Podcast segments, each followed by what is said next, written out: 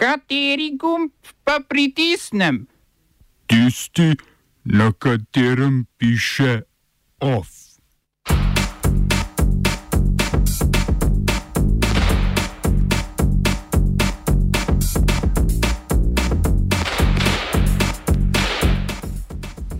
Nov dogovor: Rusija zmanjšuje tranzit plina prek Ukrajine. Bolivija je izgnala mehiške in španske diplomate. Indija kitajskemu podjetju Huawei dovolila testiranje omrežja 5G. Protestniki napadli ameriško veleposlaništvo v Iraku.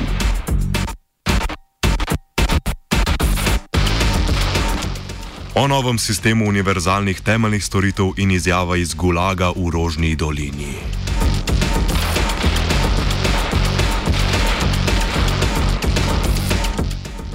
V Iraku so protestniki napadli ameriško veleposlaništvo v znak nestrinjanja ter obsojenja nedeljskih ameriških napadov na proiransko milico Katajb Hezbola, v kateri je umrlo vsaj 25 ljudi.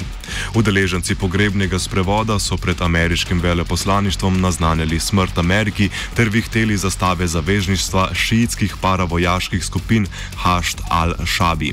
Nekaterim je uspelo udreti v veleposlaništvo, kjer so zanetili več požarov. Iraške in ameriške varnostne sile so se odzvale z uporabo sozivca. Veleposlanika ter drugo osebe so evakuirali.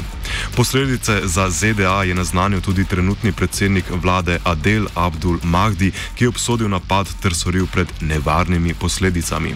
Šiitski klerik, politik in vojaški vodja Muqtada al-Sadr je izrazil pripravljenost na sodelovanje s šiitskimi milicami, sicer njegovimi političnimi nasprotniki, da bi končal ameriški vpliv v Iraku. Tudi Sirija se je postavila na, na stran Iraka z izjavo: Sirija obsoja napad ZDA na ljudsko mobilizacijsko enoto, ki brani iraško suverenost in samostojnost, obsoja pa tudi vsakršno agresijo, ki ogroža suverenost, samostojnost in svobodo Iraka ter njegovega ljudstva. Ameriški bombni napadi na milico Katajb Hezbola so, kot kaže, le povečali kaos v Iraku, kjer protestniki že tri mesece na ulicah zahtevajo spremembo političnega sistema.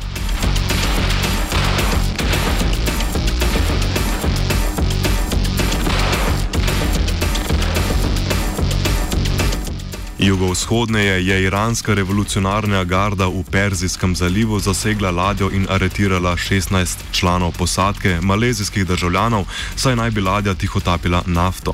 Garda je zaplenila 1,3 milijona litrov nafte z neimenovane ladje.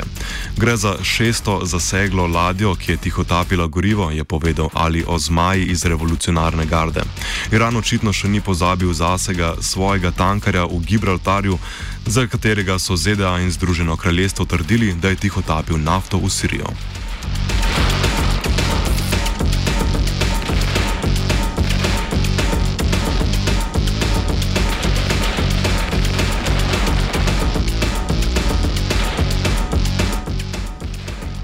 Indija je kitajskemu telekomunikacijskemu podjetju Huawei dovolila, da sodeluje v preizkusih delovanja omrežja 5G, ki se bodo začeli januarja.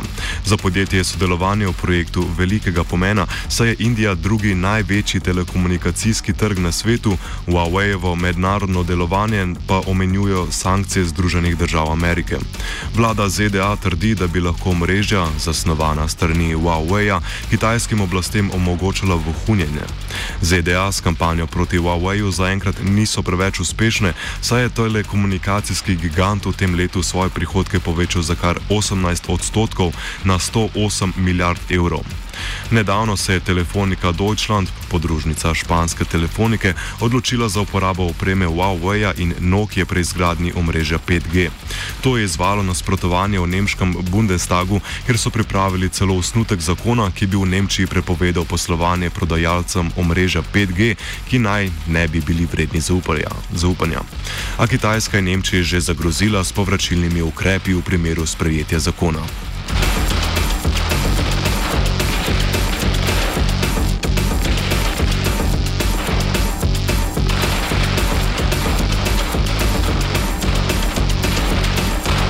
Rusija in Ukrajina sta na Dunaju sklenili petletni dogovor o dobavi ruskega plina v Evropo prek Ukrajine. Državni podjetji, ruski Gazprom in ukrajinski Naftogaz, sta za las ujeli rok za sklenitev dogovora, ki se izteče danes. Gazprom bi naj tako v naslednjem letu skozi Ukrajino poslal 65 milijard kubičnih metrov zemljskega plina, na to pa količino zmanjšal na minimalno 40 milijard na leto. Dosedanje dogovor je predvideval znatno večji tranzit in sicer 90 milijard kubičnih metrov. V naslednjih petih letih naj bi Ukrajina od transporta ruskega plina zaslužila vsaj dobrih 6 milijard evrov, dogovor pa bo možno podaljšati za 10 let. Podpis sporazuma sledi poravnavi, v kateri je Gazprom ukrajinskemu naftogazu plačal skoraj 3 milijarde evrov, v zameno pa naj bi naftogaz končal sodne spore pred arbitražnim sodiščem v Stokholmu. Tam je trdil, da Rusija ne izpolnjuje pogodbenih obveznosti o tranzitu plina. Rusija sicer gradi plinovod Severni tok 2, s katerim bo neposredno oskrbovala Nemčijo in Turški tok, ki bo najprej zagotavljal plin Turčiji ter Bolgariji, kasneje pa tudi jugovzhodni Evropi. Oba plinovoda bosta zaobšla Ukrajino, na vzhodu katere še zmeraj traja vojna z rusko podprtimi separatisti. Projektu Severni tok 2 močno nasprotujejo ZDA, ki so uvedle sankcije za podjetja, sodelujoča pri gradnji plinovodov. ZDA bi seveda raje videle, da bi evropske države kupovale ameriški plin svobode, pridelan iz skrilavcev.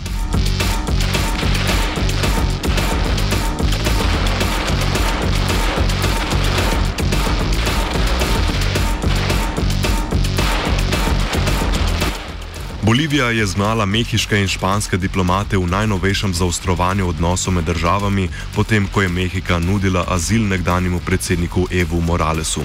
Sama oklicana trenutna predsednika Žanin Anjez je pozvala mehiško veleposlanico Marijo Tereso Mercado ter nekaj španskih uradnikov naj državo zapustijo v naslednjih 72 urah. Španijo obtožujejo načrtovanja pobega nekdanjega notranjega ministra Juana Ramona Quintana, ki je tako kot Morales obtožen hujskanja k uporu proti državnim organom ter terorizma. Trenutno se skriva v mehiški ambasadi skupaj s še devetimi iskanimi uradniki. Morales se nahaja v Argentini, kjer ima politični azil. Madrid zanika vse obtožbe in je v odgovor napovedal izgon treh bolivijskih diplomatov. Mehika zaenkrat ne načrtuje povračilnih ukrepov.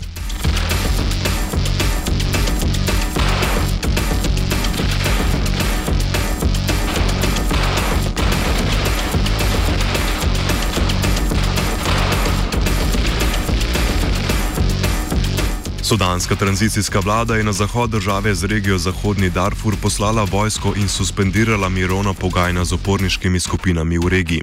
Paravojaška enota, povezana z vlado in starimi oblastnimi strukturami odstavljenega predsednika Omarja Al-Bashirja, je ponovno začela z izvajanjem nasilja nad lokalnim prebivalstvom. Novi tranzicijski svet je napovedal sklenitev dogovora, s katerim bi pomiril upor v regiji, ki se vleče že v leto 2003, a do tega, kot kaže, k malu ne bo prišlo.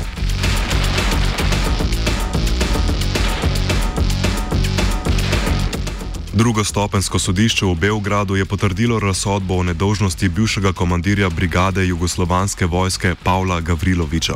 Obtožen je bil umorov civilistov v vasi Trnje na Kosovu 25. marca 1999. Tožilstvo trdi, da je izdal ukaz Ne pustite nobenega preživelega, ki je vodilo do pomora prebivalcev. Sodišče meni, da za obsodbo ni dovolj dokazov in tudi, da je kredibilnost očevica vprašljiva. Vseeno so ohranili razsodbo o krivdi podrejenega oficira Rajka Kozline, ki je bil obsojen na 15 let zaporne kazni.